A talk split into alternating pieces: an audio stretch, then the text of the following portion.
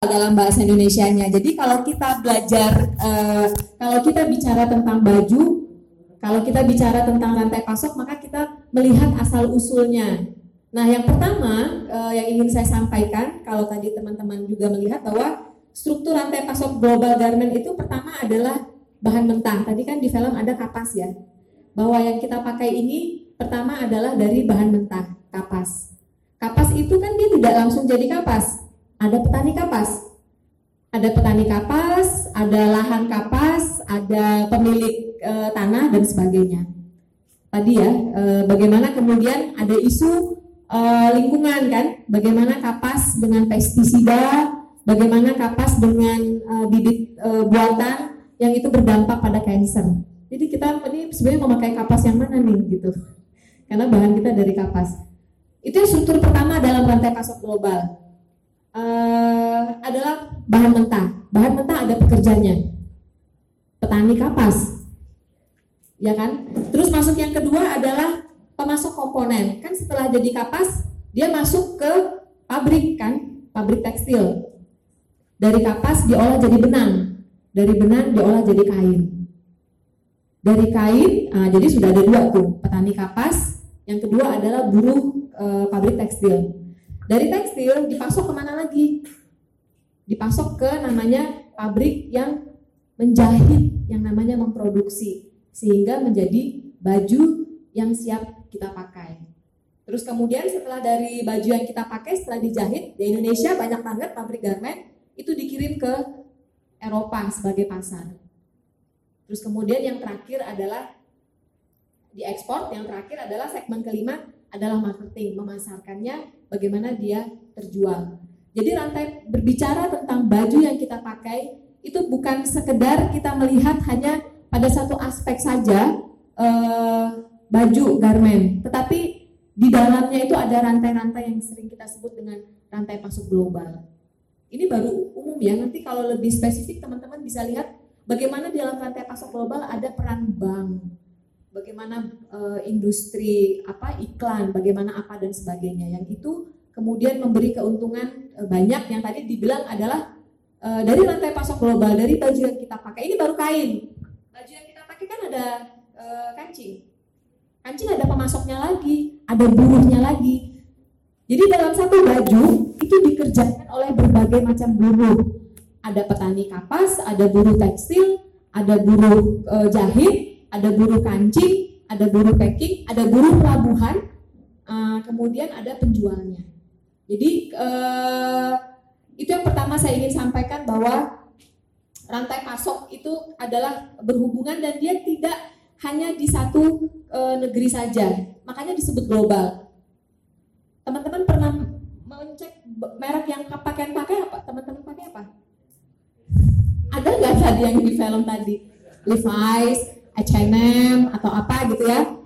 Tadi kan uh, ada Levi's dijahit di Bangladesh. Apakah uh, Levi's itu atau H&M atau Gap hanya dijahit di Bangladesh? Enggak itu juga dijahit di Indonesia dengan model yang sama, dengan jumlah yang sama. Jadi di hari yang sama, hari ini misalnya, itu ribuan buruh di Bangladesh, di India, di Vietnam, di Indonesia itu mengerjakan baju dengan model yang sama. Itu yang kemudian disebut dia e, rantai pasok global. Film tadi menjelaskan e, sangat detail. Lalu e, di rantai pasok global paling banyak buruhnya siapa? Teman-teman? Perempuan. Pabrik kapas, perempuan kan kalau teman-teman lihat. Di tekstil, perempuan. Di tukang jahit, perempuan. Kecuali pelabuhan, mungkin laki-laki. Tapi di retail, pasti perempuan. Sasarannya, perempuan. Jadi rantai pasok global ini sebetulnya dikuasai oleh perempuan, tetapi teman-teman, karena dia perempuan, kalau yang pernah belajar gender, itu yang ada namanya konstruksi gender, sehingga e, dalam rantai pasok global semuanya dikerjakan oleh perempuan, tetapi kondisi kerjanya Bangladesh masih lebih jelek ya dibanding Indonesia. Di Indonesia e, juga jelek, tapi dia tidak se sejelek Bangladesh. pabrik-pabrik garmennya ya, ya masih lumayan bagus lah, tapi masih nggak layak juga sih. Suatu saat saya ingin mengajak teman-teman berkunjung ke pabrik garment. Uh, semoga ada waktu, semoga bisa jadi teman-teman bisa melihat. Jadi kondisi kerja uh, yang paling nyata di Indonesia itu yang paling dihadapi adalah upah, upah yang rendah. Upahnya rendah, 3,9 uh, teman-teman itu untuk Jakarta. Tapi kalau buruh Boyolali itu 1,6 sebulan. Uh, di mana lagi ya? Pokoknya paling tinggi Jakarta. Selebihnya itu di bawah Jakarta. Itu yang pertama. Yang kedua jam kerja yang panjang. Jadi kita masih menghadapi kerja di atas 8 jam kerja hanya untuk mengejar target. Nah, dalam sistem kerja itu ada yang disebut dengan kerja target. Satu hari, satu orang buruh, satu grup menjahit itu bisa diharuskan menjahit seribu baju dalam misalnya satu jam, dua jam. 8 jam kerja mereka menghasilkan berapa baju. Jadi pekerjaan mereka tuh kadang mereka tidak bisa melihat uh, situasi sekelilingnya karena sibuk menjahit dan mengejarkan target. Jadi uh, ada upah, ada jam kerja yang panjang, ada sistem skor kalau targetnya tidak terpenuhi, mereka diwajibkan lembur uh, dengan tidak dibayarkan karena targetnya tidak terpenuhi. Di kuliah ada sistem target nggak? Hah? Target absen, Absen target nggak? Dalam sebulan harus berapa absennya? 16. Kalau kurang dari 16, denda nggak? Hah?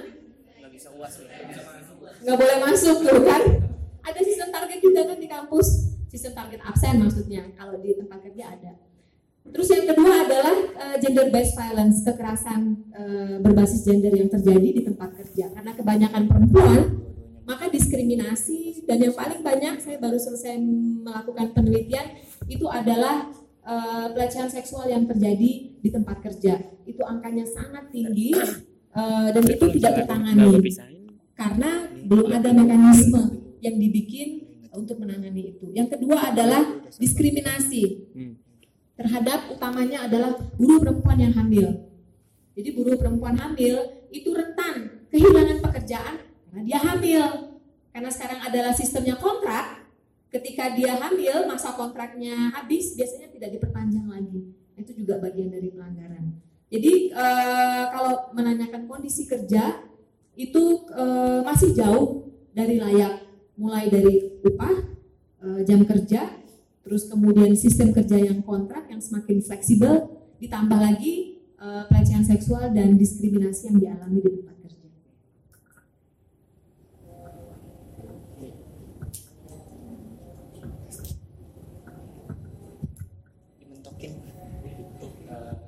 buat ini dari buat Pet kan kalau saya baca-baca Pet itu kan uh, fokusnya ke modern slavery yang berbasis dengan data ya.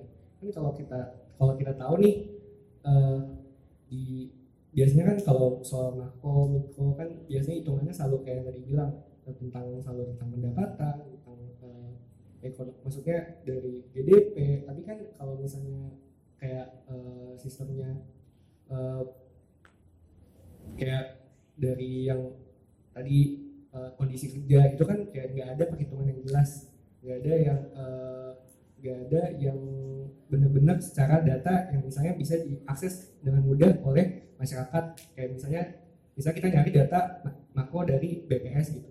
Nah kan uh, MNCPT ini kan uh, udah sering kayak melakukan hal seperti itu kan. Maksudnya apa sih kira-kira permasalahan-permasalahan yang maksudnya eh, nggak uh, bisa dihitung, maksudnya susah sekali dihitung, tapi sebenarnya itu banyak gitu. Di dalam uh, kayak kondisi kerja di Indonesia. Terima kasih. Siapa Fajrian. Selamat sore teman-teman. Perkenalkan nama saya Amel dari Universitas Indonesia.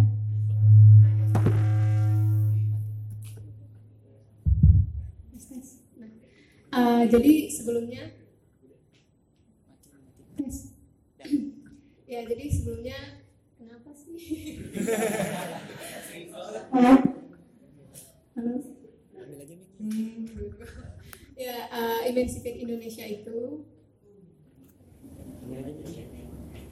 uh, tadi kan disebutin tadi dibacain profil di awal. Dengar nggak sih sampai belakang? Cuman ini nggak maju. Susah tes tes. Tes tes tes. Dah. Ah, jadi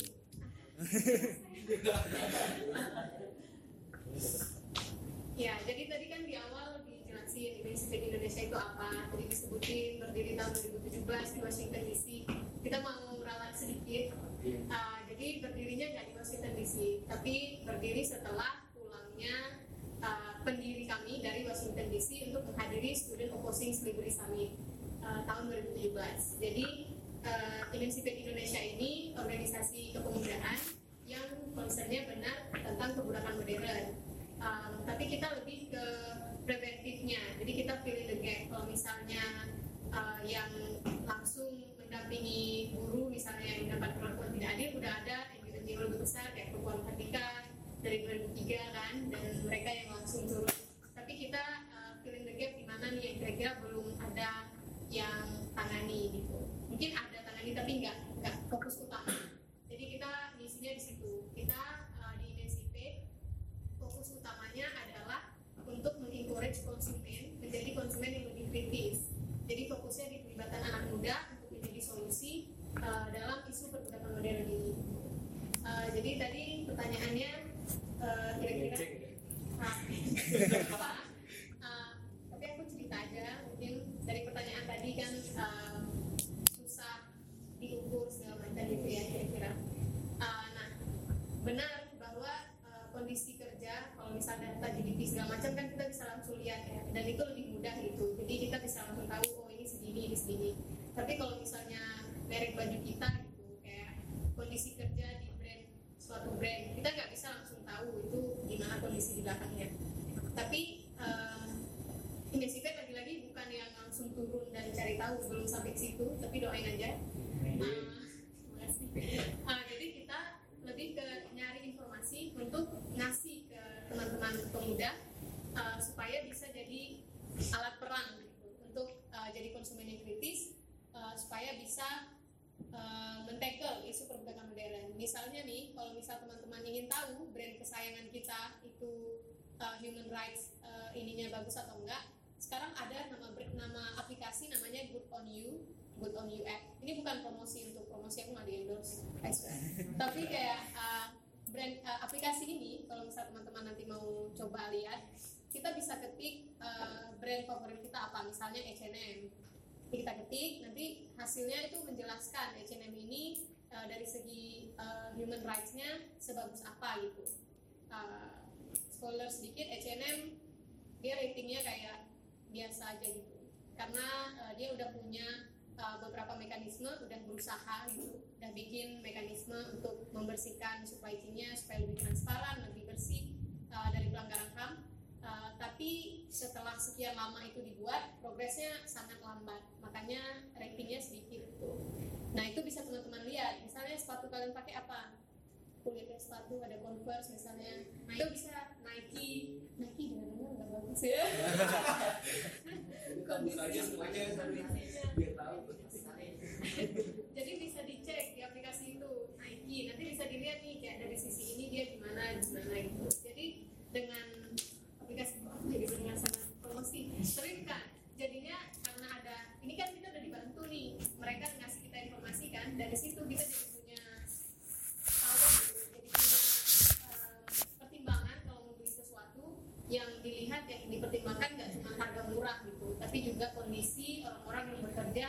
di balik barang yang akan kita pakai nanti. Karena em, at some point in our life kita akan jadi pekerja semuanya gitu kan. Ya sekarang kita mahasiswa, memang belum kerja mungkin. Ya aku udah kerja. Tapi tapi eh, nanti kita akan bekerja gitu. Dan kalau kita pikir oh bekerja kan aku aku bukan buruh gitu mungkin bukan buruh aku nggak mau aku bukan buruh aku pekerja kantoran di asli segala macam jangan salah sebenarnya pekerja kantoran pun dalam secara harfiah nih based on KBBI tetap buruh buruh tuh selama kita dibayar kita selalu buruh mau kalian buruh Pertamina yang gajinya berapa besar tetap aja buruh jadi kita sebagai pekerja nih harus kompak gitu kan. Jadi harus mikirin juga itu orang-orang yang bekerja di balik barang-barang yang kita pakai. Itu nggak tahu terjawab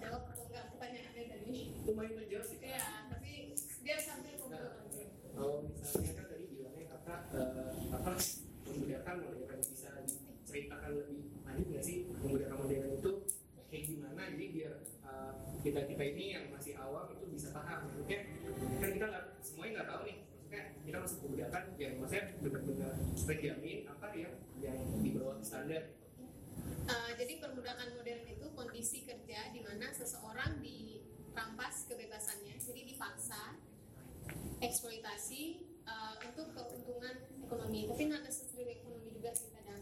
Dan itu dia ada ada pengaruh relasi kuasa juga dalam kondisi tersebut gitu. Um, dan dipaksa di sini kalau dalam bahasa Inggris kan force ya. Uh, kalau di dalam bahasa Inggris ya udah force force force itu ya force aja. Tapi kalau di Indonesia kan ada dipaksa dan terpaksa gitu kan? Jadi kalau misal dipaksa yang itu udah jelas-jelas perbudakan kayak dia dipaksa kerja di sini dibayar segini harus mau kalau nggak mau dipukul atau gimana itu udah jelas-jelas perbudakan tapi kalau misalnya yang terpaksa dia dibuat seakan-akan dia nggak punya pilihan untuk kalau nggak dia kerja di situ gitu. Itu yang dihadapi sama pekerja-pekerja kita yang sekarang. Mau kondisi kerjanya gimana? Di mana bu? Di uh, pabrik garmen yang di dari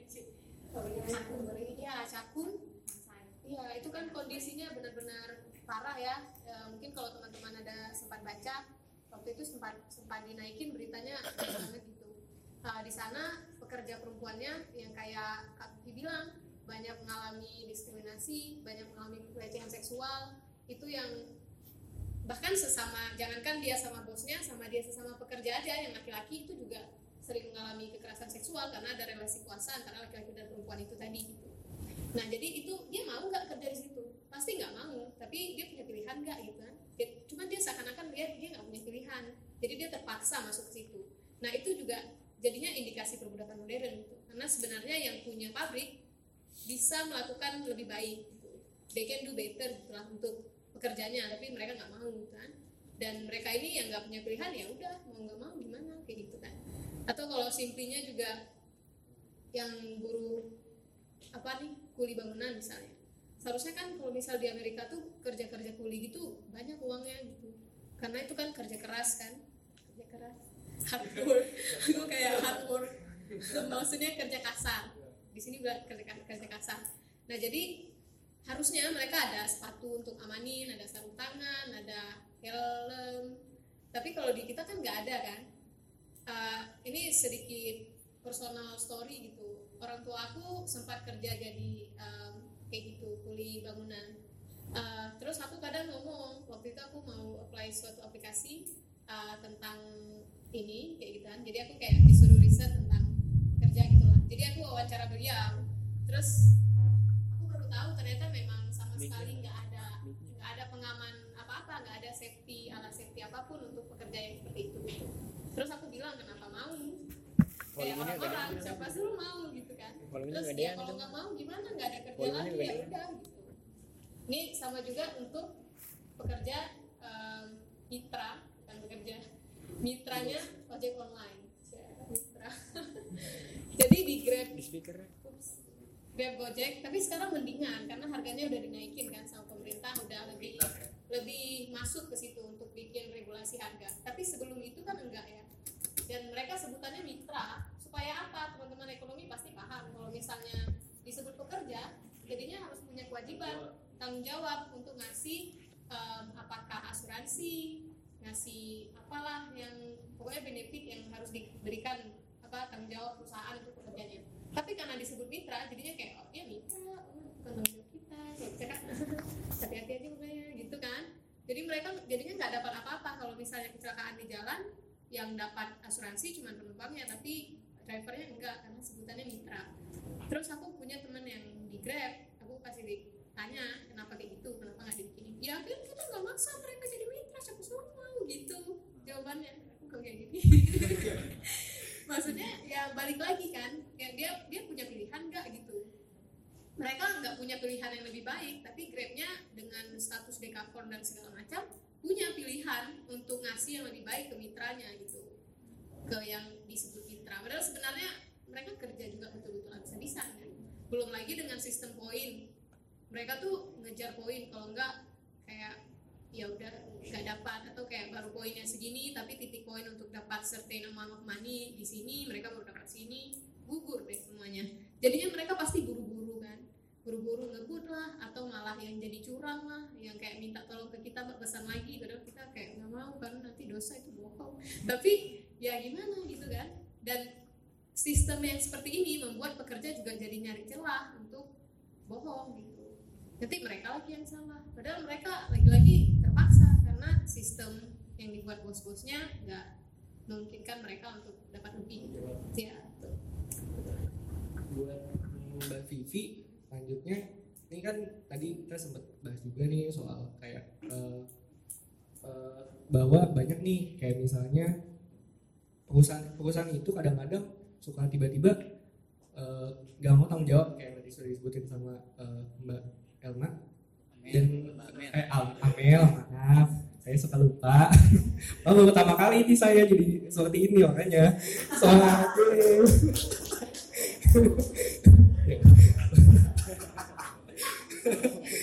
ya pokoknya ya kita santai aja ya. Jadi, jadi jangan jangan tegang penontonnya juga jangan tegang. Jadi diskusinya aktif gitu ya kan. Nah terus uh, kan tadi kayak uh, tiba-tiba tadi uh, di belakang kan Mbak juga sempat cerita oh tiba-tiba ada satu perusahaan BUMN yang tiba-tiba kabur. Terus ada juga kemarin saya baca uh, beritanya itu ada uh, uh, pabrik ibu-ibu pabrik yang sampai protes ke Tokyo ke Jepang ke Uniqlo buat uh, apa namanya karena mereka nggak dibayar dari tahun 2015 2018 mereka baru protes bisa protes ke Tokyo gitu. Sebenarnya permasalahan apa sih? Soalnya kalau misalnya tadi dibilang sama uh, Mbak Amel Mbak Amel bilang kalau misalnya ya pemerintah masih masih ada tanggung jawabnya beda sama di kayak misalnya tadi di Bangladesh Bangladesh itu kan enggak dia masih sangat rentan gitu tanggung jawab karena pemerintah juga takut kalau misalnya uh, orang maksudnya uh, investor-investor ini pergi nyari tempat lain gitu. Kalau misalnya di Indonesia sendiri sebenarnya apa sih uh, gimana sih uh, situasinya? Ngikutin berita Uniqlo ya, yang pergi uh, dua buruh sebetulnya ada beberapa tapi yang tertinggal ada dua teman-teman itu. Uh, protes uh, mereka adalah buruh yang menjahit uh, Uniqlo. Tapi aku lupa nama perusahaannya apa? Gabe, Jabarindo ya? Jabarindo. Tapi Uniqlo jawab loh uh, saya sebagai pemilik merek uh, sudah uh, punya kesepakatan yang bagus kok dengan Jabarindo tapi itu sebenarnya bukan masalah saya itu adalah masalah perusahaannya. Jadi saya nggak mau dong. Brand selalu menjawab itu. Dia tidak punya uh, merasa tidak punya uh, tanggung jawab karena dia berpikir bahwa uh, bukan berpikir pada kenyataannya memang H&M dia sudah punya uh, aturan gitu ya.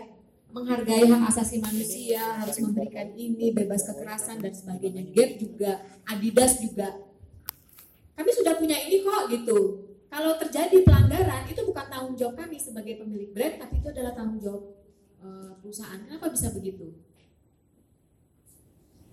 Karena uh, ini berbeda uh, 30 tahun yang lalu mungkin 40 tahun yang lalu uh, Nike punya pabrik. Uniqlo punya pabrik uh, mobil apa Ford uh, Toyota mereka punya pabrik pabriknya di Amerika. Sekarang brand tidak punya pabrik. Dia hanya punya merek.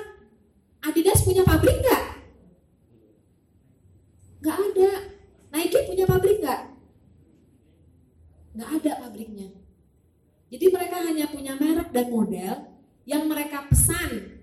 Sekarang ini ya makanya disebut uh, global supply chain. Karena pembuat uh, sepatu Nike itu bukan pabriknya Nike tapi itu adalah sebuah perusahaan besar misalnya di Korea rata-rata Korea. Misalnya uh, Jabarindo itu dia di Jabarindo itu dia bukan hanya menjahit uh, Uniqlo dia juga bisa menjahit Gap dia juga bisa menjahit H&M dia juga bisa menjahit apa. Cinglu bukan hanya memproduksi Nike tapi dia juga memproduksi Converse dia juga memproduksi Adidas jadi uh, relasi antara brand dengan buruh itu tuh relasi yang sangat sangat jauh.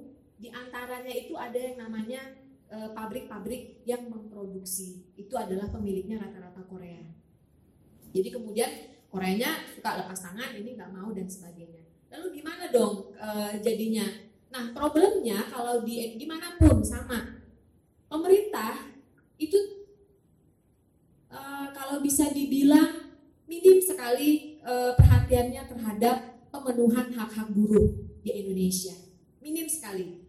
Karena hampir semua pengaduan kami itu nggak ada responnya dari Disnaker. Teman-teman bayangkan, ini ya, uh, yang sekarang sedang kami uh, tangani pabrik Hansai. Perusahaannya pergi pengusahanya atau PT Dada Purwakarta kan rame itu beritanya kebetulan pas saya lagi di sana pengusahanya tuh pergi teman-teman pergi tahu kan kabur nggak bilang apa-apa jadi dia pergi dengan tidak membayar gaji buruh selama berbulan-bulan. Terus di Senaker tidak melakukan apa-apa tidak bisa melakukan apa-apa. Itu masalahnya ada di mana coba? Masalahnya sebetulnya ada pada bagaimana e, kesepakatan antara pemerintah dengan perusahaan yang berinvestasi di Indonesia. Jadi posisi pemerintah itu lemah sekali gitu loh sehingga dia tidak bisa berbuat apa-apa ketika pengusaha itu kabur. Dan ini salah satu problem yang paling mudah dihadapi oleh buruh garmen yaitu pengusaha kabur atau pabrik tutup tiba-tiba. Kenapa? Karena pabrik garmen itu berbeda dengan pabrik mobil. Kalau mobil kan alat-alat berat. Uh, apa namanya alat berat kalau masuk ke pabrik mobil otomotif itu itu mesinnya berat-berat semua. Tapi kalau garment itu isinya apa coba? Mesin jahit, meja untuk cutting, motong, setrikaan dan sebagainya. Dan mereka tidak punya aset.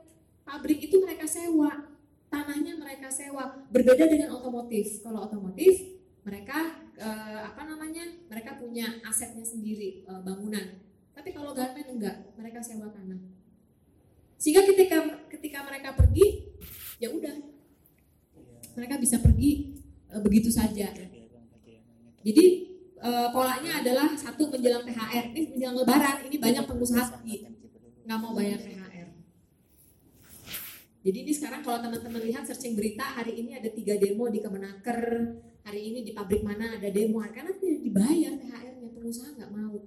Alasannya rugi. Benar nggak sih pengusaha? Rugi. Orang tiap hari ada order kok rugi gitu gimana ceritanya?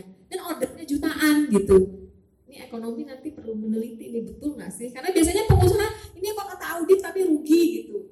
Sementara dalam undang-undang Indonesia tenaga kerja untuk bisa dinyatakan audit atau apa rugi itu harus via pengadilan. Problemnya pengusaha tidak pernah. Dan tidak pernah juga memang ada tindakan konkret dari disnaker atau kemenaker terhadap uh, apa yang terjadi uh, sekarang ini. Itu saya sudah bolak-balik melaporkan kasus di kemenaker, di disnaker dengan teman-teman buruh ya. Itu ya udah mbak datanya kami terima ini ini ini. Karena semua perusahaan itu perusahaan legal. Jadi itu sebetulnya uh, kita uh, oke okay, brand punya tanggung jawab tetapi dalam konteks perlindungan, menurut saya itu utamanya adalah di pemerintah. Apa gunanya punya Kementerian Tenaga Kerja ya? Kalau nggak ada perlindungan gitu. Uh, apalagi sistem kerja sekarang. Nggak semua kemenaker tuh tahu bahwa sekarang itu sistem kerjanya sangat fleksibel. Orang bisa hanya dikontrak tiga bulan kok sekarang ini. Jadi teman-teman ini nanti pada saat lulus jangan berharap teman-teman akan masuk pada dunia kerja yang uh, apa indah gitu ya pasti akan struggle struggle cari kerja apa kerjaan nggak ada loh teman-teman kecil sekali uh, apa namanya kecil peluang untuk kerja. Maka diciptakanlah pekerjaan kreatif gitu kan? Jadi kita di kategori sebagai pekerja kreatif dengan semakin apa dengan uh, jaminan yang nggak ada perlindungan yang nggak ada sama sekali uh, dengan apa ya semakin longgar nggak ada sistem kerja sama sekali. Bahkan kadang-kadang nggak ada kontrak. Jadi teman-teman saya yang bekerja di dunia kreatif itu bisa nggak ada kontrak. Orang hanya by phone kan eh gue punya ini lu bisa bikin desain nggak? Oh bisa bisa bisa gitu. Harganya sekian ya oke dia bikin dapat uang gitu. Seolah-olah besar gitu ya. Tapi kalau dihitung dengan jam kerja dan keuntungan yang didapat itu kecil sekali. Sama seperti baju ini yang tadi dibilang. Kan tadi tanya berapa sih harga sebenarnya baju ini?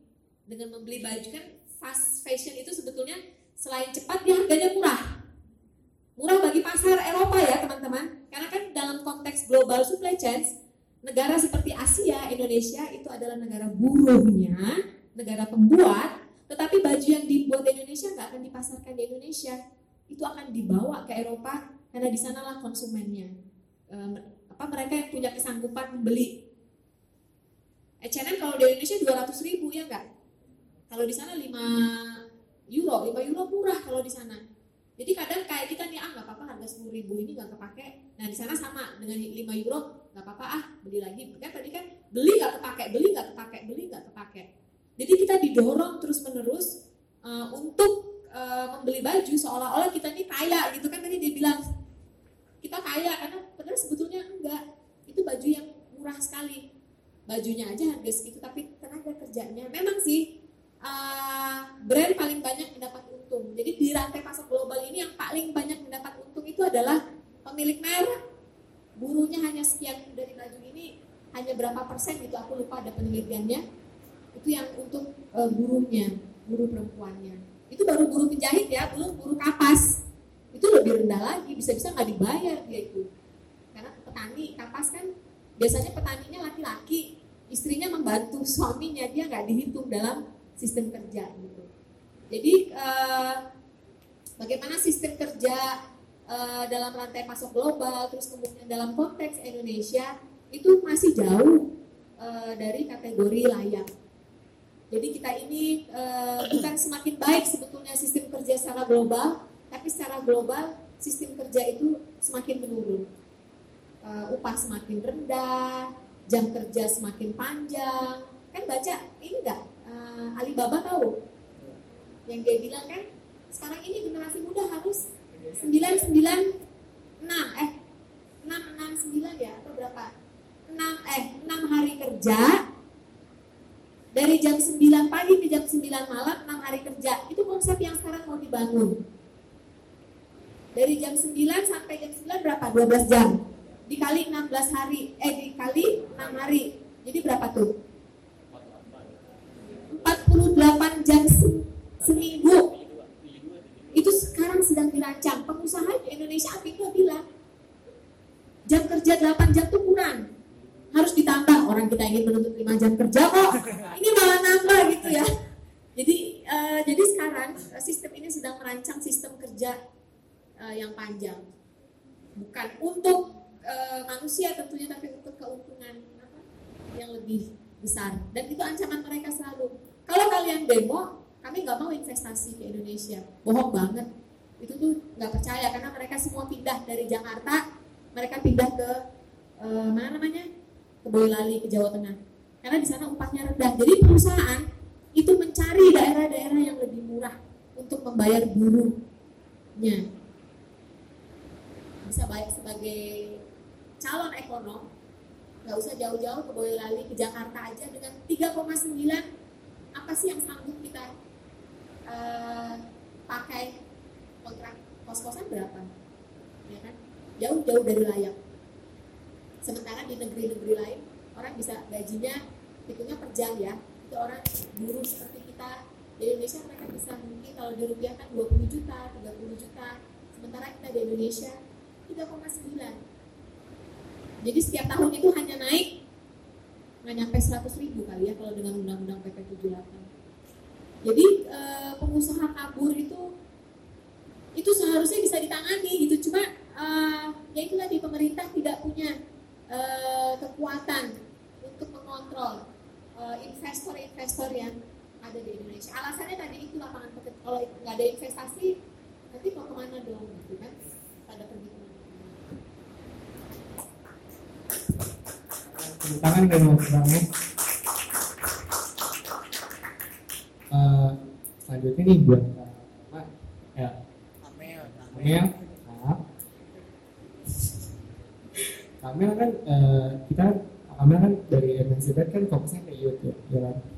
Uh, kan tadi juga dibahas dari uh, bahwa sebenarnya hal-hal ini fashion ini terciptanya gara-gara ya kita lagi konsumen lagi yang emang senangnya dibohongin sama dari brand-brand ternama jadi kayak brand uh, kaum kapitalis yang kayak bikin uh, uh, apa artificial demand inisial apa misalnya uh, demand yang sebenarnya nggak perlu-perlu banget tapi kayak dibikin seolah-olah kamu harus di, kamu harus beli kamu harus uh, kamu butuh ini kamu butuh kamu harus beli kamu pakai itu deh.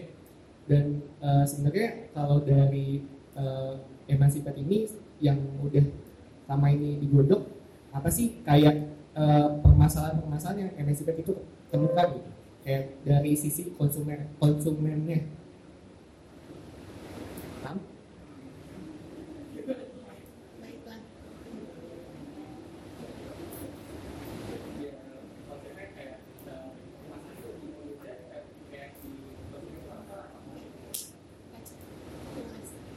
jadi sebenarnya permasalahannya tuh di konsumen karena konsumen nggak tahu. Begitu konsumen tahu sebenarnya pasti nggak seharusnya ya. Kalau dia ini baik seharusnya jadi nggak tega gitu untuk beli suatu barang. Ada sebuah sosial eksperimen yang dibuat sama Fashion Revolution di negara mana aku lupa. Jadi dia punya vending machine yang jual baju cuma 2 euro. Itu murah untuk harga di sana pun murah. Untuk di kita pun kayaknya 2 euro nggak terlalu mahal 50 ribu mahal sih. Tapi ya nggak terlalu mahal untuk di sana. Jadi uh, dia kayak beli kaos 22 2 euro gitu. Terus nanti orangnya kayak beli mau kan tertarik nih semua orang untuk beli. Kan kita cenderung kayak beli untuk lihat murah langsung beli padahal sebenarnya nggak butuh gitu. Mereka juga gitu. Jadi beli terus dikasih lihat video uh, tentang pekerja garmen di Bangladesh kondisinya tentang Rana Plaza yang tadi roboh teman-teman lihat ada anak kecil yang kerja gini gini gini terus di akhir ditanya kamu masih mau beli nggak? Gitu. Ya beli kalau mau beli tekan ini nanti keluar bajunya. Kalau nggak mau beli bisa donate uang yang 2 euro tadi di donate untuk keperluan riset uh, dan yang mengencourage mengempower misalnya uh, korban-korban dari perbuatan modern itu. Jadi rata-rata orang yang terlibat dalam sosial eksperimen itu rata-rata setelah lihat video itu yang kayak aduh kayak merasa bersalah gitu terus donate. Dan itu juga terjadi di uh, kawan-kawan uh, yang selama ini kerja bareng Emancipate gitu. Uh, kita kita kan youth organization ya. Jadi kita pun belum melegalkan diri belum ada akte notaris dan segala macam. Uh, jadi kerja kita masih terbatas dengan kolaborasi uh, bareng NGO yang lebih besar. Mungkin nanti mbak bisa kolaborasi kita. Jadi kita sering kali kerja bareng sama PURC, sama Migrant Care, um, sama NGO-NGO lain yang udah lebih established. Kita cuman kayak, oh kita bikin ini untuk youth gitu, kita bikin pemutaran film ini, jadi kita nebeng-nebeng aja gitu, karena kita nggak punya uang. Jadi, nah jadi yang kita lakukan itu gitu, dan sering kali setelah dari sesi Emancipate, teman-teman yang uh, join itu pasti bilang, aduh aku nggak nggak enak lagi kalau mau pakai ini, nggak enak lagi kalau mau pakai itu. Uh, beberapa waktu yang lalu uh, di bulan relawan nasional Desember kita bikin pemutaran film uh, judulnya The Price of Free itu filmnya tentang child labor pekerja anak yang ada di India. Di film itu terus dikasih tahu anak ini kan ngomong anak kecil. Kecil lah dia pokoknya. Terus dia bilang uh, dia kerjanya nggak dibayar dikasih makan dan itu pun kurang. Terus dia bilang dia kamu kerjanya bikin apa gitu? Ya aku bikin bedak pons. Terus aku yang kayak no aku pakai pons. Uh, terus kan masih ada di rumah aku ini jujur-jujuran aja aku jadi nggak pakai pons yang masih sisa. Tapi kasihan kan masih sisa itu juga jadi sampah lingkungan. Tapi kalau mau pakai teringat adik kecil di film India itu yang dan itu filmnya dokumenter. Jadi film memang kisah nyata bukan film India yang film India beda. Jadi aku jadi merasa bersalah gitu untuk pakai. Dan aku ceritain itu ke teman-teman aku yang lain. Terus mereka kayak Mel kok dikasih tahu? Aku jadi nggak mau pakai juga gitu. Jadinya sebenarnya konsumen itu nggak mesti konsumen sih. Segala sesuatu ya itu keep happening karena kita nggak tahu apa yang kenyataan di balik itu kan. Kayak misalnya kita benci certain people kita benci dia karena kita nggak tahu dia sebenarnya kayak gimana. Tapi once kita tahu apa yang ada di baliknya kita pasti berubah pikiran. Kalau misalnya masih wajar kan. Kalau misalnya ya udah keras hati ya gimana pun juga tetap ini. Tadi aku mau nyambung dikit tentang kedengeran gak ya? Makin susah terdengar uh, aku nggak bisa ini tentang uh, relasi negara dan bisnis jadi sebenarnya walaupun memang pada prakteknya masih kurang sebenarnya dunia ini udah ada menuju mencoba at least menuju ke arah yang lebih baik gitu Jadi UN itu udah keluarin uh, guiding principle on business and human rights. Um, itu gimana? Ya? Itu uh, guiding principle. Jadi kayak guiding principle is um, pokoknya jalur no, untuk menggait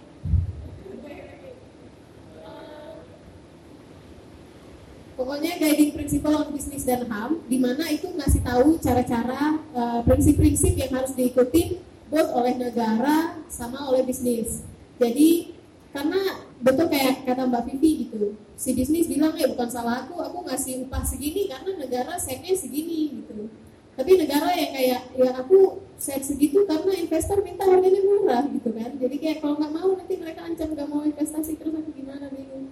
Nah jadi di uh, guiding principle uh, on business dan HAM ini dibikin bahwa itu responsible dua-duanya. Jadi pemerintah responsibility-nya untuk bikin regulasi dan memastikan bisnis mengikuti regulasi itu dan bisnis juga dibikin punya tanggung jawab untuk uh, memastikan dan memastikan ininya transparan dan memastikan bahwa sampai ke supply chain dia yang paling kecil uh, bahwa ke dalam rantai pasok dia yang paling kecil di mana pun itu berada itu harus terpenuhi human rights-nya gitu. Nah terus uh, dan itu ada tiga pilar, jadi pilar uh, pilar government, pilar bisnis dan pilar kalau memang kejadian. Jadi ini kan diharapkan tidak ada kejadian. Tapi kalau ada diharapkan ada mekanisme uh, untuk korban itu buat pengaduan gitu. Udah ada sebenarnya, tapi dalam implementasi implementasinya masih sangat kurang. Nah di situ kita melihat di situ peran kita kawan-kawan sebagai konsumen. Karena kalau misal kita berharap sama ini mungkin agak akan terdengar agak naif gitu ya kayak we people power segala macam. Tapi tapi benar kita punya punya kekuatan lebih. Karena kalau memang bisnis cuma sama pemerintah kayak bisnis versus pemerintah gitu atau kayak buruh ngadu ke pemerintah tentang bisnis itu kan ujung-ujungnya jadi bisnis versus pemerintah kan di mana yang mau dimenangin gitu. Itu pemerintah pasti nggak nggak ini karena dia pasti ngalah dia kalah dari bisnis. Tapi kalau misal konsumen yang langsung ngomong ke pemilik merek, dia akan lebih mendengarkan. Karena kan dia geraknya itu based on demand pasar kan. Kalau misal pasar demand untuk barang-barangnya yang fair trade, pasar demand untuk pekerja baju yang kita bikin ini no kok pekerja baju? Pekerja yang bikin baju kita itu dibayar dengan ini dia mau nggak mau harus dengar. Mungkin teman-teman ingat tentang uh, ice es krim eh udah baik ya sekarang lumayan jadi es krim yang dulu itu yang murah dua ribu setengah tiga ribu mochi. Itu kan uh, murah sekali ya. Aku dulu waktu pertama es krim itu datang dan booming aku kayak ini kok murah? Apa pakai um, bahan yang nggak aman atau manisnya manisan buatan murahan? Tapi ternyata bukan bahannya yang murah tapi buruh yang kerjanya yang murah. Mereka tuh semua pekerja lepas Padahal udah ada di undang-undang itu, uh, aku mungkin nggak terlalu ahli, mungkin lebih ahli Mbak Vivi. Tapi kalau misalnya di kontrak itu kan cuma boleh sekian kali, berapa dua kali ya? Dua kali, ya, cuma boleh dua kali. Tapi kalau di AIS dulu, itu diperpanjang sampai 12 kali. Itu jelas-jelas sudah melanggar hukum, tapi nggak ada yang tahu, nggak ada yang dengar juga. Sampai akhirnya buru-burunya mogok kerja, beritanya dipublish habis-habisan, dan AIS mau jadi sponsor untuk Asian Games. Dan konsumen juga memilih untuk puasa beri AIS waktu itu. Jadi mau nggak mau dia kayak eh aku bikin-bikin murah-murah nih tapi nggak dibeli kan sama aja. Jadi akhirnya demandnya pekerja waktu itu dipenuhi. Dan itu karena nggak cuman nggak memang nggak cuman faktor konsumen tapi ada faktor semua orang terlibat di situ. Ada faktor media untuk mempublish beritanya habis-habisan faktor buruh faktor kita semua yang kompak sebagai sesama pekerja dan sesama ya saudara kita se-Indonesia aja gitu. Jadi begitu ini semua terkombinasikan, si bisnis mau nggak mau harus berutin. Kalau kita cuma berharap misalnya si pabrik ais cuma sama pemerintah, kayak Mbak Bibi bilang tadi Kemenaker pasti yang cuma oh kita tampung nanti kita ini tapi sebenarnya nggak ada apa-apain gitu mungkin berkasnya udah hilang kadang sekarang ya ya, ya gitu kondisinya Lalu uh, buat Mbak Vivi lagi nih nyambung. Sebenarnya tadi udah sempat ditanya juga uh, nah, Mel uh, soal kan tadi dibahas nih tentang data. Data kan kita nih anak ekonomi kan baik lagi. uh, kita ini yang kejadian neliti masa ngambil data dan memang data-data kayak soal uh, gimana kayak misalnya tadi uh, tentang perempuan tentang uh, pelecehan perempuan dan itu pernah dibahas juga tentang yang masalah UGM jadi sebenarnya ada datanya tapi nggak pernah secara benar-benar dikolek secara kolektif dan ditaruh di tempat yang bisa dijangkau oleh uh, masyarakat umum. Sehingga kayak susah gitu buat kita melakukan penelitian yang bersifat uh, terstruktur semuanya gitu. Jadi nggak cuma fokus ke satu dan lagi. Uh, kalau misalnya dari uh, Mahardika biasanya tuh uh, kan tadi saya sempat baca juga kalau Mbak Vivi ini udah pernah melakukan penelitian-penelitian tersebut kan uh, gimana sih Mbak untuk melakukan penelitian itu apa kira-kira yang melakukan?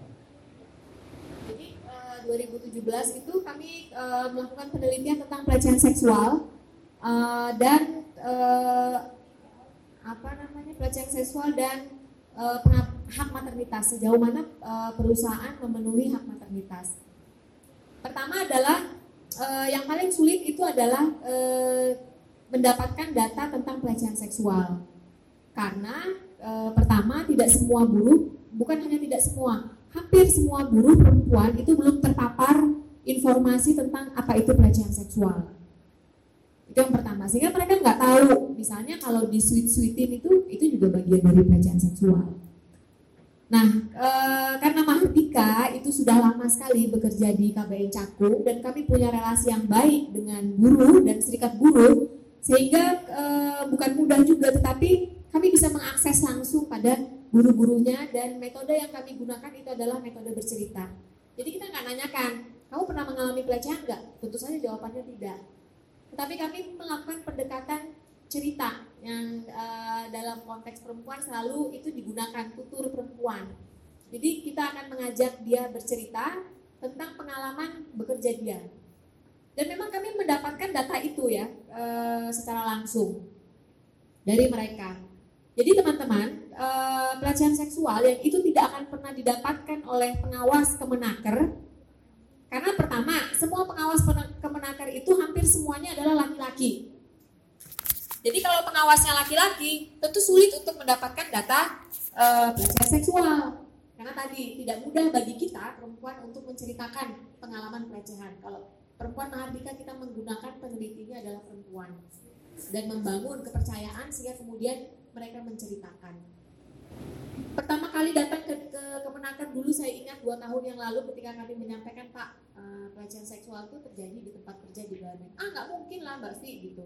Uh, karena kan itu uh, kalau teman-teman tahu pabrik misalnya segini ya di sini semua mesin jahit dan massal gitu. Bagaimana mungkin uh, pelecehan seksual terjadi di tempat yang uh, terbuka dan massal?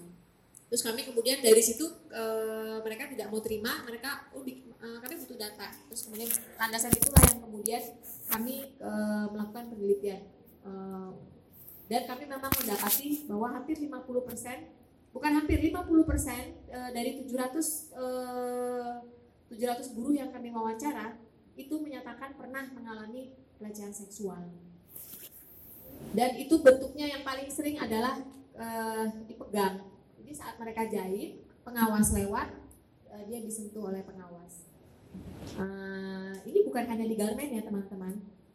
Di tempat kerja biasa sebagai staff, uh, apa terkadang uh, supervisor atau atasan datang itu suka memegang memegang ini eh gimana pekerjaan kamu bagus-bagus nggak pegang apa dan sebagainya Nah, karena teman-teman garmen itu belum terpapar informasi, itu mereka menganggap itu hal yang biasa. Biasa kok Pak, bertahun-tahun bapaknya itu ya begitu-itu gitu. Kadang kita kalau nggak dapat target ya kita dipukul, pantatnya dipegang gitu ya, atau apa dan itu sebagai hal yang e, biasa dialami oleh mereka. Nah, e, banyak bentuk-bentuk pelecehan seksual yang kami temukan itu terjadi dan dialami oleh guru garmen. Disuit-suitin, dipegang, uh, baju diintip apa uh, baju gitu ya atau mekanik mengintip karena dalam struktur garmen ada yang namanya mekanik kalau mesin rusak mekanik datang nah penjahitnya perempuan mekaniknya laki-laki. Tadi relasi kuasa. ada relasi kuasa yang kemudian memungkinkan pelecehan seksual itu terjadi. Demikian juga supervisor. Siapa sih yang berani menolak supervisor? Kalau itu berani ditolak jangan berharap bulan depan kontrak dilanjutkan. Kalau dalam konteks mahasiswa siapa sih yang berani e, berapa besar orang berani menolak dosen? Ketika dosen mengajak kencan misalnya? Iya kan? Atau ketika dosen menggoda-goda gitu kan? Ada yang berani jawab, paling nggak diabaikan gitu kan? Diabaikan aja, biarin biarin. Kalau jawab pak, bapak melakukan pelecehan, wah itu bisa nggak lulus, itu nilainya eh seumur hidup itu kali gitu. Nah, jadi ada namanya relasi kuasa di tempat kerja relasi kuasa sangat kuat. Ada supervisor pelakunya, ada mekanik pelakunya, ada mana HRD, ada bos, ada satpam. Jadi uh, struktur kerja itu memang menempatkan perempuan tadi uh, pada situasi yang sulit, force, dipaksa, tapi bukan dipaksa. Hidup dalam situasi terpaksa. Kalau saya melawan, saya melaporkan, jangan-jangan besok kontrak saya nggak nggak nggak lanjut. Kalau saya melaporkan ini, jangan-jangan besok saya ini saya kehilangan. Jadi utamanya adalah takut kehilangan pekerjaan. Karena kalau di garment usia 30 dianggap tua dan tidak produktif. Ini sekali lagi ada diskriminasi berbasiskan usia ya di Indonesia.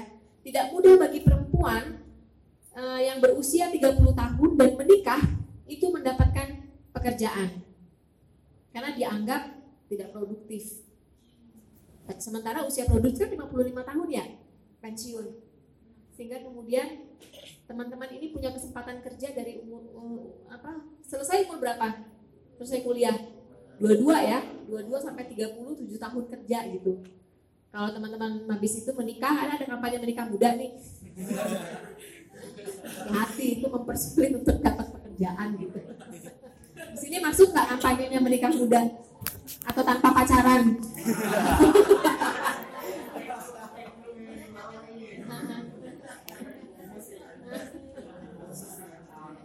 Jadi dunia kerja itu sekarang itu dunia kerja yang memang pertama semakin fleksibel.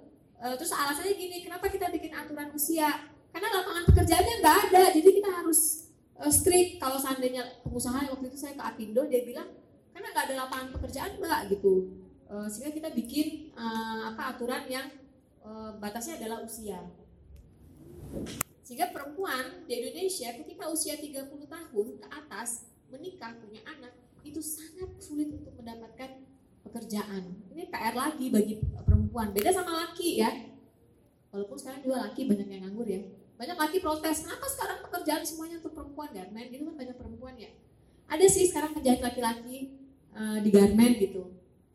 Tidak banyak, uh, dia dianggap tidak terlalu laku lah di dunia pekerjaan itu karena dianggap laki. Emang laki bisa jahit? Diskriminasi lagi kan.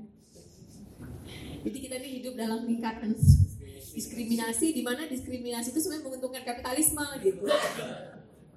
Karena semakin kita terdiskriminasi semakin kita di mereka sudah semakin banyak mengambil uh, keuntungan kan?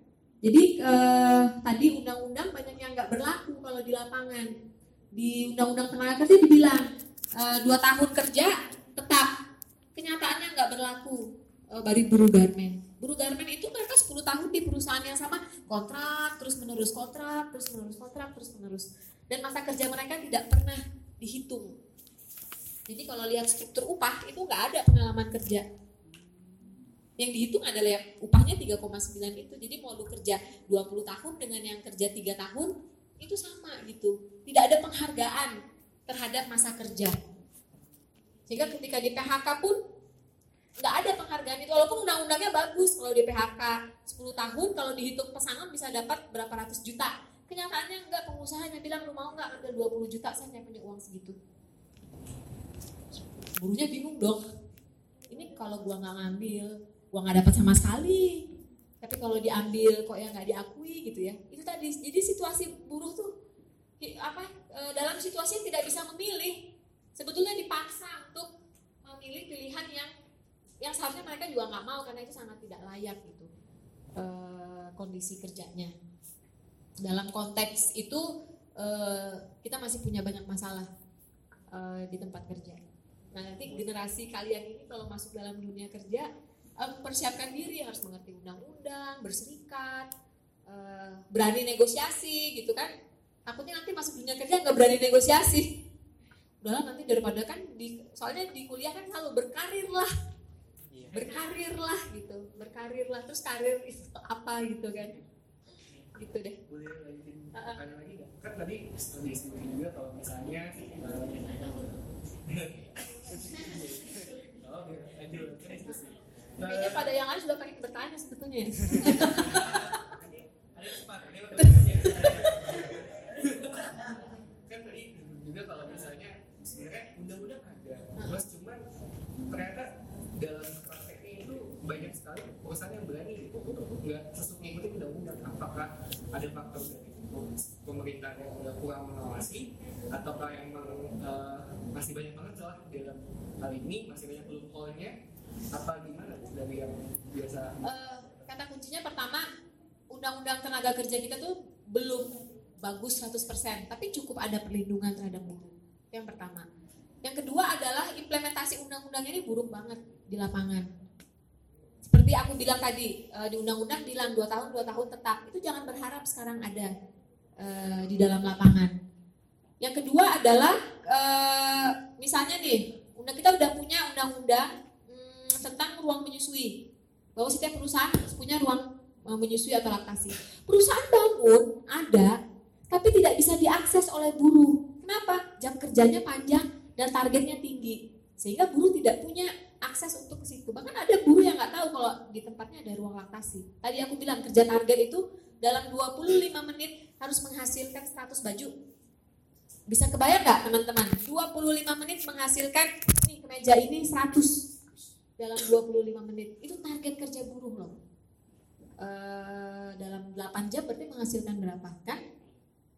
Punya waktu kencing, nggak ada waktu buat kencing. Kencing tuh takut karena kalau mereka pergi ke kamar mandi itu berapa menit bolak-balik, itu mereka bisa kehilangan target kerja. Ini target maksudnya satu baju itu dijahit oleh satu line gitu ya. Jadi ada ini, ini baju itu kerah sendiri, sendiri. Dijahitnya itu nggak satu orang tapi grup kolektif gitu. Yang itu nanti uh, teman. Jadi uh, implementasi di lapangannya itu sangat sangat buruk karena itu tadi ada memang pengawas uh, kemenaker tapi itu nggak berfungsi gitu loh di lapangan. Ini juga ada konteks uh, ketika mereka datang mereka bicara ya itu ada kong kali kong lah antara uh, pengusaha dengan pengawas. Itu sudah udah udah sangat uh, kita ketahui gitu ya. Atau misalnya audit datang. Sekarang kan sekarang zamannya audit kan?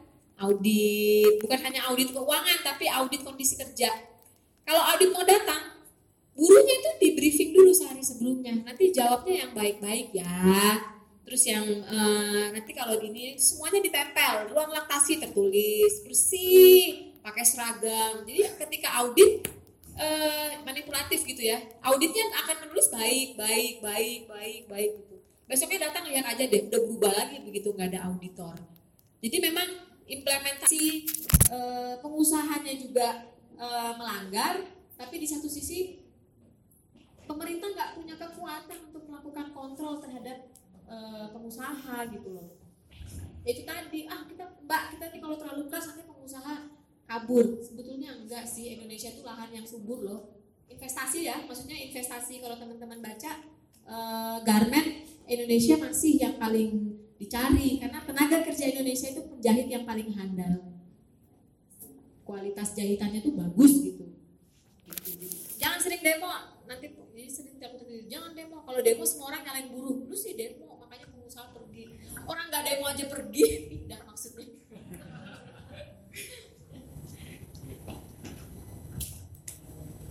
Ya, uh, pertanyaan terakhir, Mbak Mel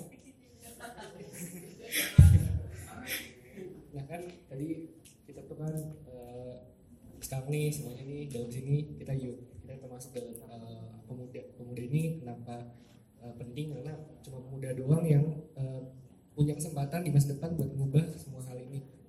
Menurut uh, mbak sebagai perwakilan dari emansipet sebenarnya apa sih yang penting banget dan kayak harus kita junjung tinggi dan apa yang harus kita ubah dari semua yang udah terjadi di sekarang um, sebenarnya yang paling penting kalau dalam isu fast fashion ya itu pola konsumsi kita sih.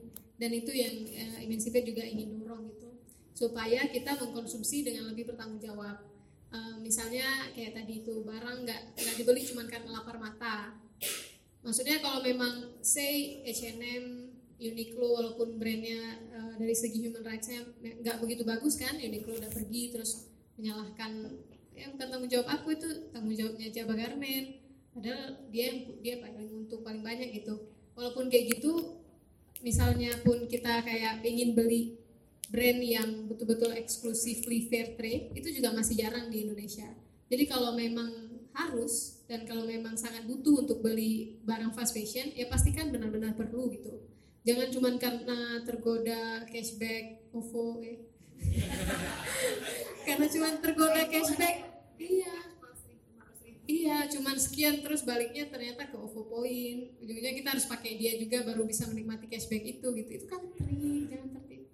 Jadi kayak gitu, kayak kayak apa konsumsi kita tuh harus lebih bertanggung jawab itu. Kalau nggak perlu nggak usah beli. Jangan jangan cuma karena oh murah lebaran, oh diskon Imlek, diskon Harbolnas, beri beli beli beli. Padahal sebenarnya nggak perlu pakai. Terus ujung-ujungnya jadi sampah.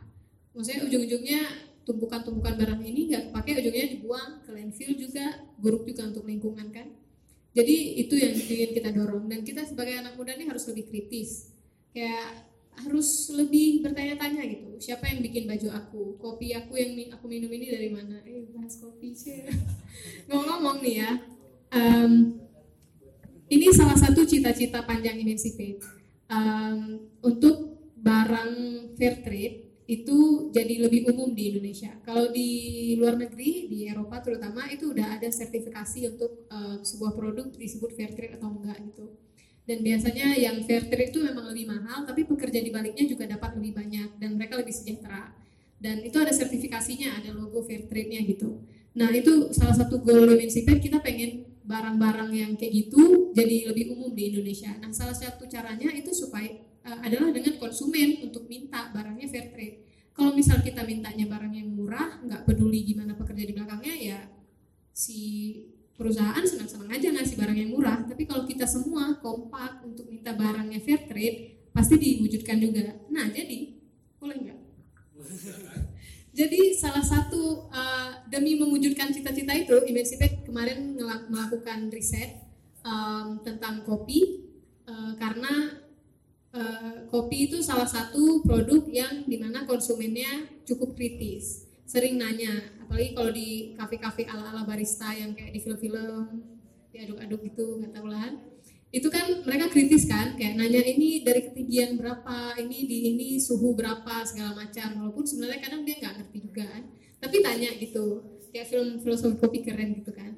Nah intinya udah ada kekritisan uh, dari konsumen kopi. Jadi kita ingin konsumen kopi ini lebih kritis lagi sampai pertanyaan ke kira-kira berapa upah petani kopi gitu. Petani kopi ini sejahtera atau enggak? Jadi kemarin Emancipate pergi ke Medan uh, untuk riset tentang kopi kita. Dan dari hasil riset itu kita uh, mem membuat sebuah produk kopi. Ya jadi jualan. Tapi ya kita jadi bikin uh, produk kopi untuk percontohan. Niatnya tuh bukan untuk cari untung ke kita enggak. Itu itu sampingan. Tapi ya karena sebagai NGO nih supaya nggak dituduh antek asing kan kita sering dituduh antek asing kan ibu?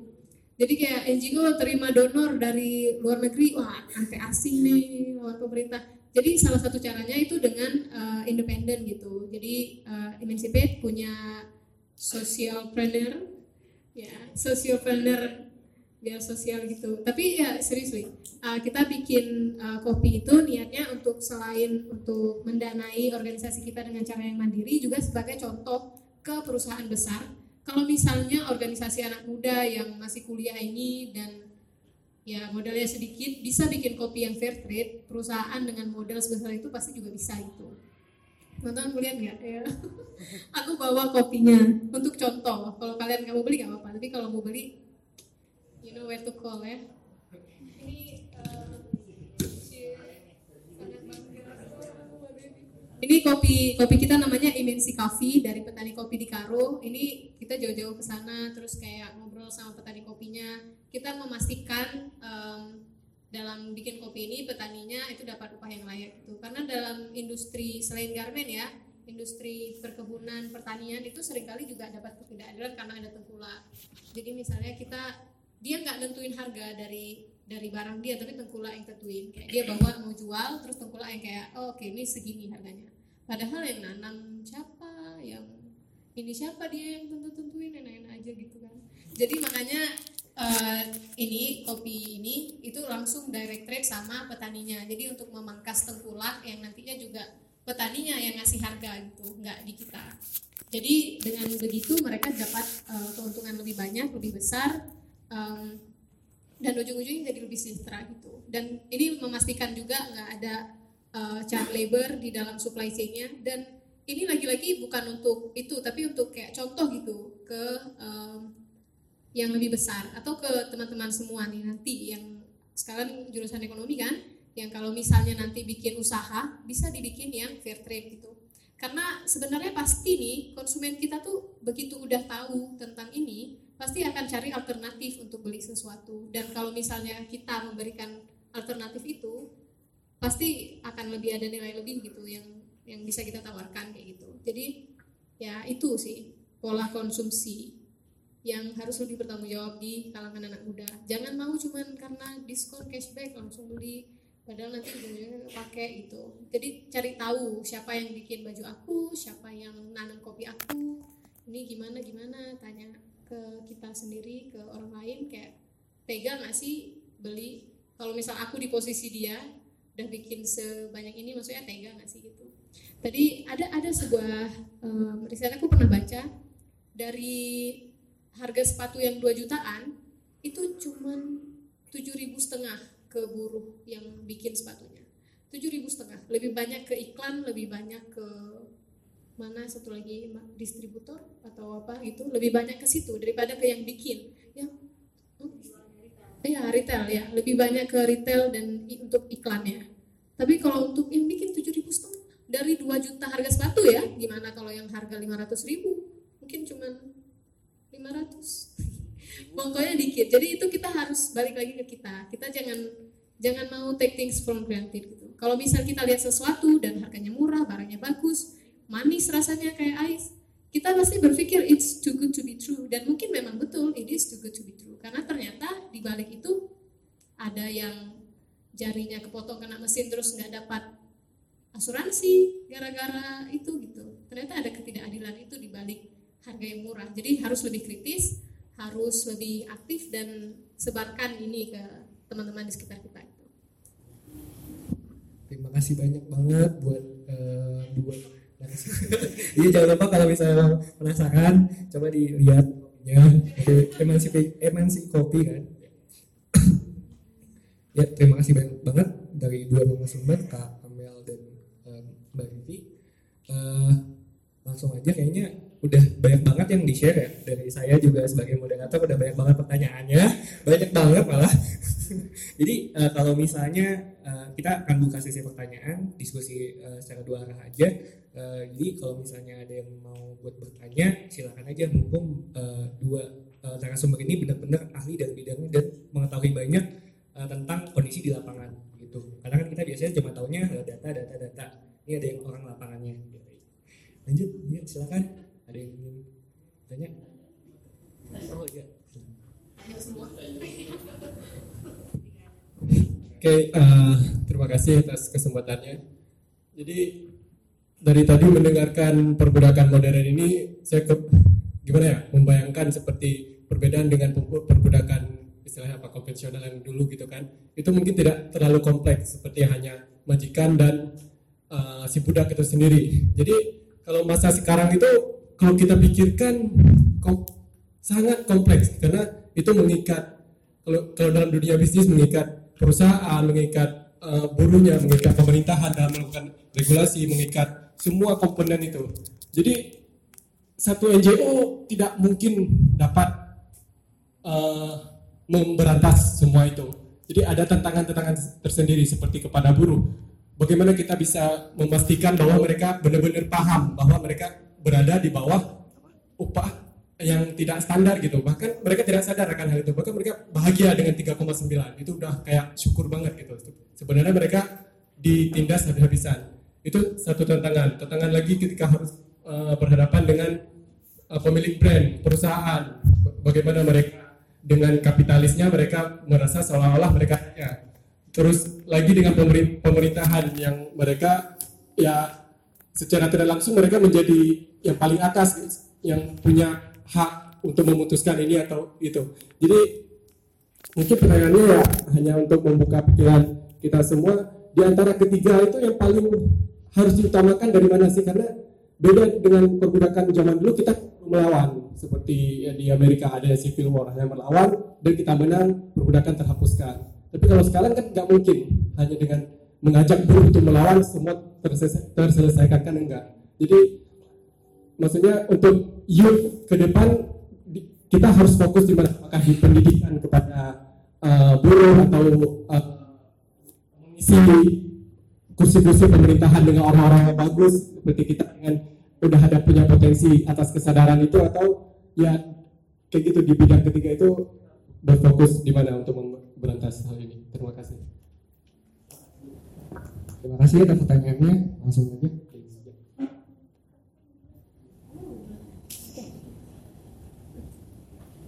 Oke, jadi uh, suatu hari Emancipate pernah bikin uh, nobar, kita caranya nobar terus Nobar film Not My Life tentang human trafficking dan di akhir sesi Nobar kita bikin diskusi sama langsung direkturnya uh, yang bikin film itu. Terus salah satu pertanyaannya similar ke yang ditanyakan sama Kavi. Uh, jadi ditanya ini tuh kayak what can we do as a youth? Terus jawaban dari direktur ini selalu aku kutip di setiap pertanyaan what can we do. Jawabannya tuh kayak the answer to the question what can we do is actually who are you. Jadi itu based on kita masing-masing. What can I do itu jawabannya who are you gitu. Kalau misal kamu siapa? Kamu sekarang siapa? Student? Kamu sekarang siapa? Konsumen? Kamu sekarang siapa? Pelaku bisnis? Dan do your part. Kalau misal sekarang aku student, aku juga pekerjanya, guys. Jadi karena student, yang bisa kita lakukan penelitian, ikut kampanye, mengedukasikan diri kita tentang isu ini. Jadi salah satunya mungkin nanti topik penelitian skripsi teman-teman bisa tentang uh, bisnis dan HAM. Siapa yang tahu? Itu udah salah satu what can we do as a youth. Atau misal nanti teman-teman bikin usaha, ya do something based on who you are gitu. Kayak misalnya nanti teman-teman masuk partai, jadi parlemen yang baik. Ya jadi sebenarnya jawaban untuk apa yang bisa aku lakukan sebenarnya cari tahu dulu kita ini siapa gitu. Dan begitu kita tahu kita siapa ya lakukan apa yang kita bisa lakukan based on capacity kita. Nggak mungkin kan kita sebenarnya misalnya kita konsumen tapi kita berlaga seperti membuat kebijakan. Nggak bisa bukan kapasitas kita untuk bikin kebijakan. Jadi ya lakuin apa yang bisa kita lakuin. Apakah itu boykot apakah itu kirim surat untuk yang punya brand kayak hey brand aku suka nih H&M tapi aku nggak suka kamu memperlakukan buruhmu seperti ini gitu. Atau ke Uniqlo Uniqlo aku tahu kamu memang bukan yang gaji langsung PT Jaba Garment tapi kan mereka bikin gitu. Seribu seratus ribu saya surat yang dia dapat. Masa dia nggak punya hati untuk kayak mengeluarkan statement at least tentang isu ini kan? Jadi ya itu mengquote bapak siapa namanya? Aku lupa bapak direkturnya siapa ini quote yang sangat bagus untuk jadi caption juga kalau teman-teman mau. ya, yeah, the answer to the question what can we do is actually who are we. Terima kasih banyak. Jadi ini kalau ditanya apa yang bisa dilakukan rumit banget ya. Karena kita hidup dalam sistem yang uh, apa namanya cross cutting, saling berhubungan. Gitu. Tapi kalau dalam perspektif saya uh, yang sehari-hari uh, apa uh, bekerja untuk isu buruh dan perempuan, pertama adalah tentu memberdayakan mereka. Itu paling penting. Memberdayakan mereka itu macam-macam bisa dengan pendidikan, training, memberitahu mereka haknya, mendorong mereka untuk berserikat. Karena ketika mereka berdaya, maka mereka secara kolektif itu punya kekuatan untuk bertemu dengan perusahaan di mereka bekerja. Pak, uh, toiletnya sering diintip. Kami ingin ada perbaikan toilet. Itu contoh yang paling uh, konkret karena toilet adalah salah satu tempat uh, pelecehan seksual. Atau misalnya pengawas sering teriak-teriak. Jadi mereka punya kolektif bargaining. Jadi membangun uh, kolektif uh, bergaining itu uh, menurut aku uh, dalam perspektif aku uh, itu yang yang apa namanya yang prioritas. Karena dengan adanya kolektif bergaining yang kuat, kita punya kemampuan untuk bernegosiasi dengan pengusaha, kita punya kemampuan bernegosiasi dengan pemerintah.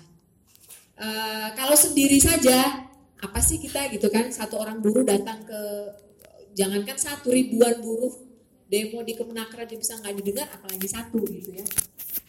Jadi bagaimana memberdayakan uh, buruh atau pekerja, utamanya perempuan, karena perempuan uh, itu berada di level yang lebih rendah lagi sehingga sangat sulit uh, bagi mereka untuk kemudian melakukan perlawanan di tingkat yang paling rendah uh, sekalipun. Itu yang pertama. Yang kedua adalah tentu saja apa namanya membuka komunikasi dengan pengusaha dan dengan kemenaker. Utamanya kalau saya setelah empowerment uh, buruhnya itu adalah ke pemerintah karena mereka yang punya tanggung jawab untuk memberikan perlindungan. Jadi e, melakukan protes atau tadi data-data berikan kepada mereka. Kan mereka selalu bilang kami nggak punya. Jadi kalau hearing nih, kalau hearing ke DPR atau ke pemerintah, mereka selalu bilang kasih kami data. Lah kamu itu pemerintah masa nggak punya data sih gitu? Masa data harus datang dari masyarakat sipil, ya kan? Sementara kan pemerintah punya lembaga penelitian sendiri mereka punya BPS, mereka punya ini, setiap hari ada demo, setiap hari ada masalah, masa itu nggak bisa dijadikan data gitu. Jadi mereka selalu bilang, kami nggak datang lagi bawa data ya, oh ya nanti datanya kami lihat dulu ya ini dan sebagainya. Itu sebetulnya yang sangat menyebalkan gitu. Sebagai pemerintah nggak punya data, hah? Gitu. Uh, terus kemudian didoronglah mahasiswa untuk skripsinya diserahkan ke pemerintah itu juga nggak dibaca menurut aku. Jadi memang kita harus membuka uh, apa namanya uh, protes uh, dengan pemerintah. Kita harus mendorong gitu, mendesak pemerintah untuk kemudian membantu uh, buruh ya. Karena kalau berjuang sendiri aja kan sulit. Jadi sebagai anak muda tentu didorong untuk adanya keberpihakan. Tentu berpihak pada yang lemah dong gitu ya. Bukan berpihak pada yang kuat. Karena di antara tiga tadi, buruh, pemerintah, dan pengusaha yang paling lemah adalah buruh Walaupun jumlahnya paling banyak. Pernah dengar 99% kan? Di dunia ini orang miskin 90 golongan 99%. Tetapi yang berkuasa hanya golongan 1%. 1% bisa punya rumah berapa? Bisa punya harta berapa? Dari hasil kerja 99%. Sehingga menurut aku kolektif e, bergaining itu penting. Sebagai anak muda juga e, yang bisa dilakukan adalah bersolidaritas terhadap eh, teman-teman uh, buruh yang sedang memperjuangkan haknya gitu. Jadi jangan nggak mau tahu karena gitu anak anak kan kita mahasiswa udahlah nanti aja deh gitu. Jadi keberpihakan harus dibangun dari sekarang. Karena itu juga melatih kita ketika masuk dalam dunia kerja, kita akan berhadapan seperti dengan yang uh, mereka hadapi gitu loh. Nah, sehingga kita juga uh, penting untuk membuka diri. Itu sih dari aku.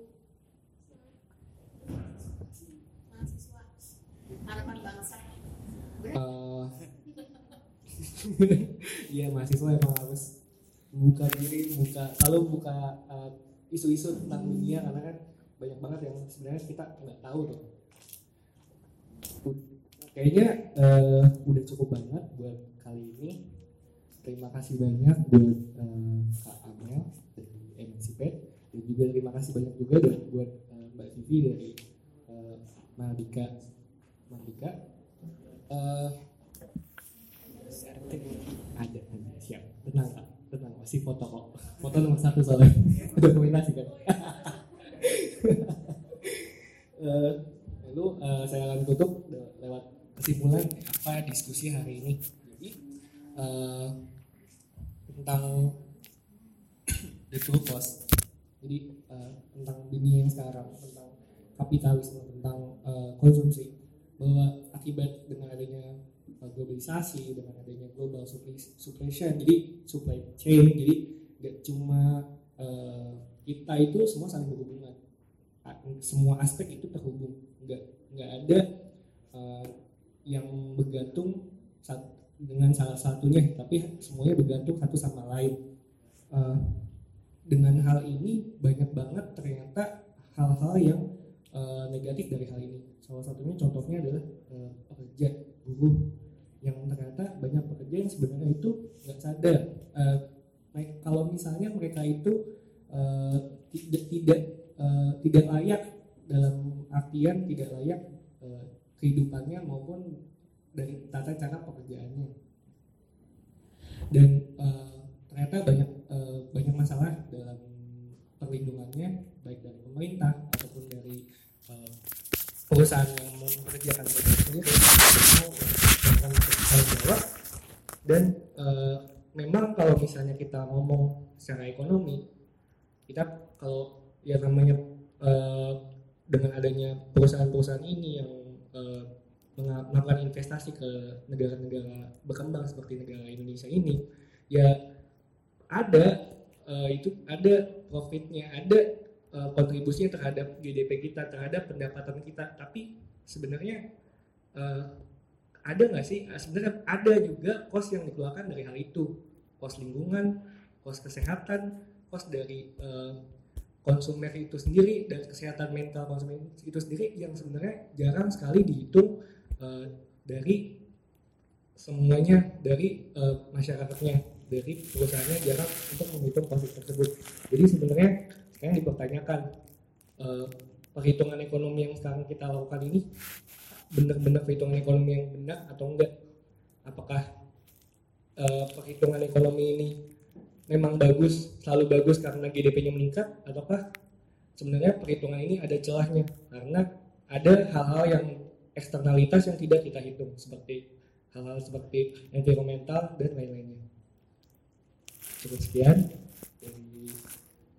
dari eh, kesimpulan dari hal yang sudah saya rangkum untuk saat ini. Selanjutnya saya tutup. Wassalamualaikum warahmatullahi wabarakatuh. Dan dan saya kembalikan kepada MC silakan di